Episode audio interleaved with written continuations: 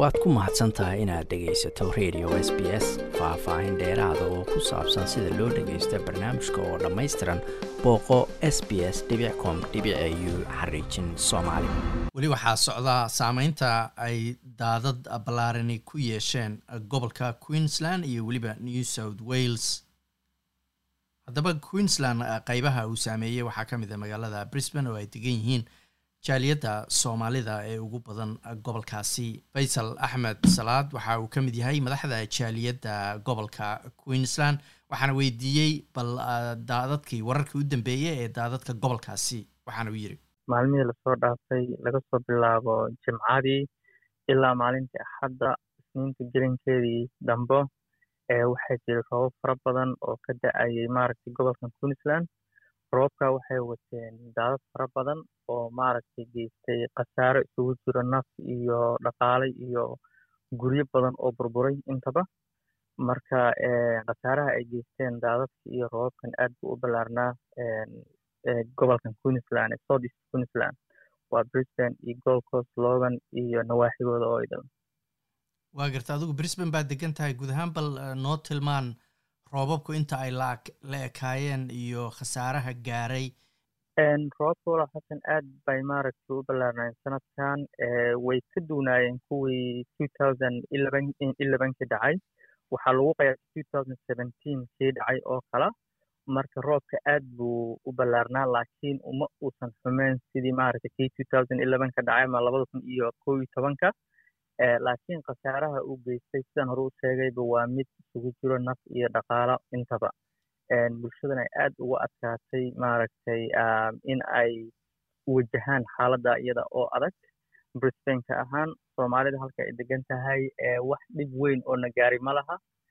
Meelo badan oon booqday ayaa jira oon oon rabay in aan soo fiiriyay in dad soomaali ah dadka barbaxayaasha ee guryaha loo raadiyay ay ku jiraan marka waxaan la kulmay laba qoys oo keli ah ka badan maanan arag. Marka waxaan rajaynayaa in dadka soomaalida ay saameyn weyn ku yeelan marka loo fiiriyo bulshada ee ku dhaqan gobolkan. Laakiin khasaaraha sidaan u sheegayba wuxuu ahaa mid ballaaran oo guud ahaan qofba dhinac u saameeyey. Ha noqoto shaq ahaan ha noqoto guryihii oo kaa jabay ha noqoto dadka shaqada aadi lahaa oo waaye wadda ay ku shaqa tagaan biyaha awgood marka walaal khasaaraha noocaa ayuu ah waa gartay labada qoys oo soomaalida oo aad soo aragtay khasaare intee la eg baa soo gaaray maxay kuu sheegeen roobabka iyo daadadka dhibka ay u geysteen? Ha waxay ii sheegeen in guriga uu biyo soo galay alaabta qaar uu ka qaaday laakiin wax naf ah ama dhaawac sidaa uma geysan laakiin alaabtii guriga u taalay ay maaragtay biyaha ay ka qaadeen sidaas darteed ayay u raadsadeen caawimaad ah in ay helaan meel ay ka galaan roobka intay xaaladda ay socoto waa gartay faysalow madaxda jaaliyaddaad ka mid tahay bulshada aad baad uga warqabtaa caadiyan arrimaha deg dega ama xaalado deg dega sida daadadkoo kale ama dababkoo kale markay dhacaan shacabka dalkan australia intooda badan idaacaday dhegeystaan oo waxyaalaha emergencyga laga sii daayo websiteyay la socdaan dadka soomaalida ama dadka soo galootiga cusub arrimahaas ma ku baraarugsan yihiin ma jiraan qaabab haddii waxaasoo kale ay dhacaan ay uga badbaadaan macluumaadka ma helaan mase yaqaanaan sida loo raadsado walahi xasano su'aasha su'aal aad u muhiim ah weeye inta badan dadka soomaaliga ah waxay ku xiran yihiin un qof ay yaqaanaan oo luuqada yaqaana.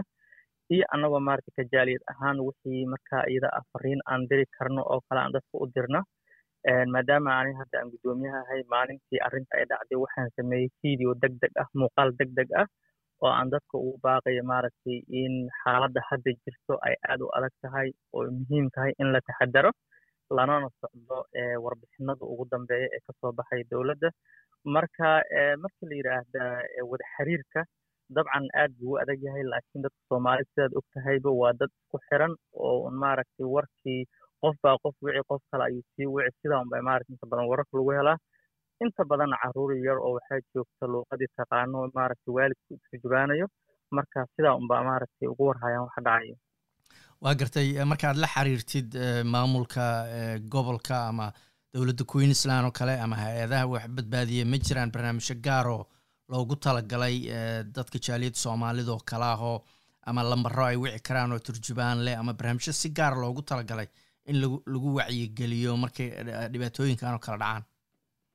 Haa way jiraan. Sababtoo ah arrintii covidka markuu dhacay waxaa jira barnaamijyo qaababkii maaragta xiriirka loo horumarin lahaa dadaal fara badan oon ka sameynay oo sameeyeen dadka soo galootiga ah dabcan soomaalidana ay ka mid tahay. Markii musiibo noocaan ah ay dhacdo waxaa jira websaajyo maaragta luuqad walba lagu soo qorayo dadkan lala socodsiinayo waxa dhaca inta badan dadka aan warbixinta saxda heli karin waa dadka luuqadda soomaaligana aan qorin only ku hadla bes ah hadalka bes yaqaana.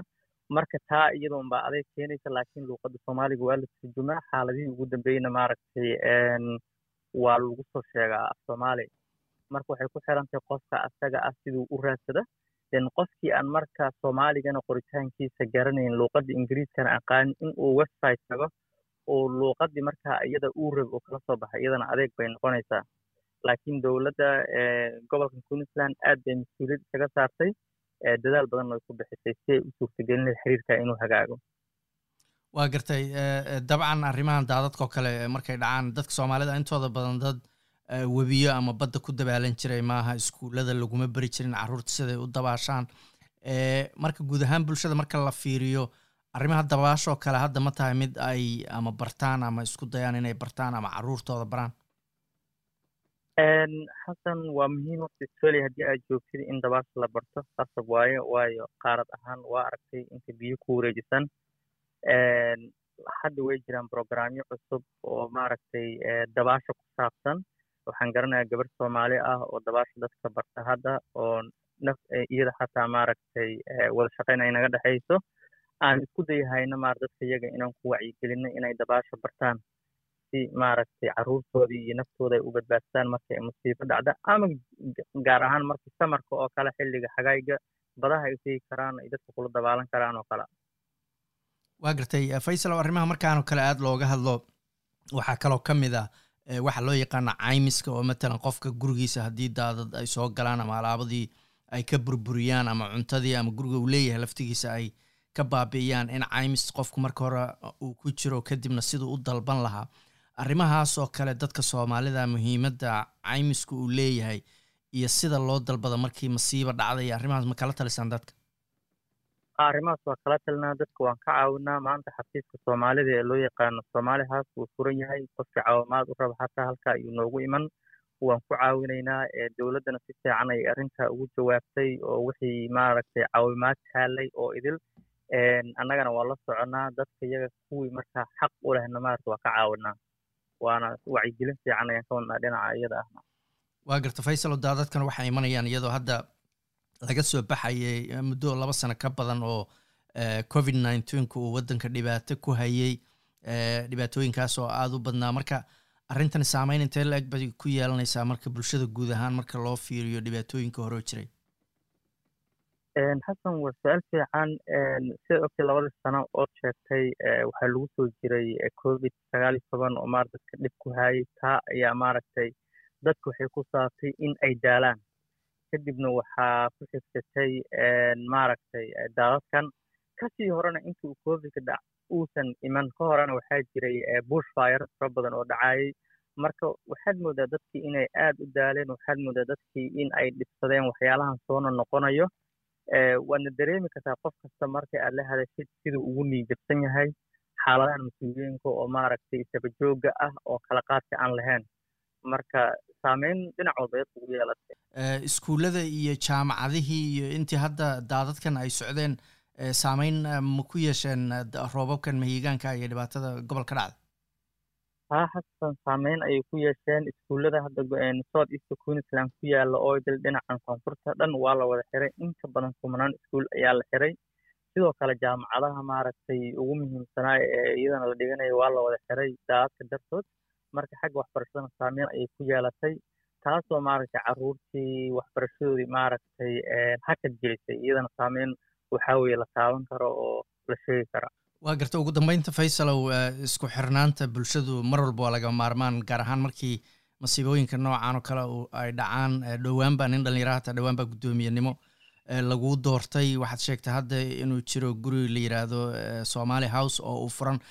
Bal bal noo sheeg marka guud ahaan jaaliyadda iyo gurigaas waxa uu qabta iyo waxyaalaha guud ahaan bulshada sida aad isku dayeysaan inaad isugu keentaan oo ugu shaqaysaan. Xasan marka koowaad gurigan ayaan ku hormaray somaali house somaali house waxaa weeya guri soomaalida halkan joogta ay faraysteen oo maaragtay loogu shaqeeya bulshada soomaalida ah. Waxaana ku qabanaa caawimaada marka iyada ah aan daberi karna sida hooyooyinka ama dadka weyn oo luuqadda aqaanin inaan foomamka u buuxina waxay foomamka waxay noqon karaan kuwa dhalashooyinka waxay noqon karaan kuwa guryeyn ah waxay noqon karaan kuwa shaqo ah adi baahi kala duwan sidoo kaleeto waa meesha marka iyada ah ah marka aan rabno dadka iyaga inaan cod u noqono oo maadaamaan joogno waddan systemkiisa uu nagu cusub yahay dadkii aan fahansiino qaabka waddanka loogu nool yahay iyo systemka jira si dadka iyaga ay u helaan caawimaadaha marka iyaga ah diyaarka u ah.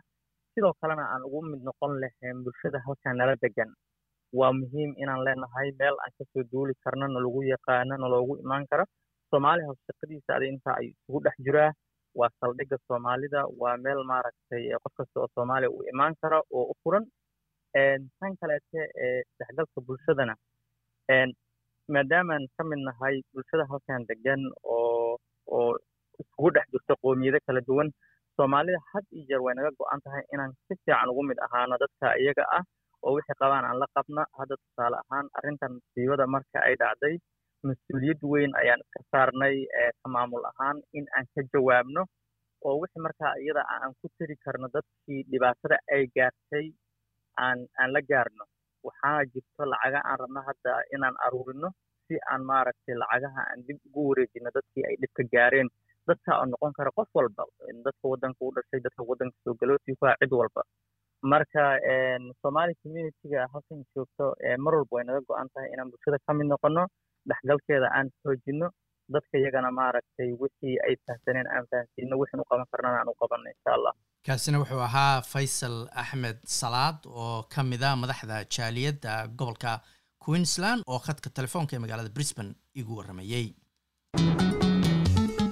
waad ku mahadsantahay inaad dhegaysato raadiyaha s b s toos u dhegaysa barnaamijka habeenada arbacada iyo jimcada tobanka fiidnimo ama kaga soo cesho website-ka iyaga iyo s b s radio app booqo s b s com au xariijin soomaali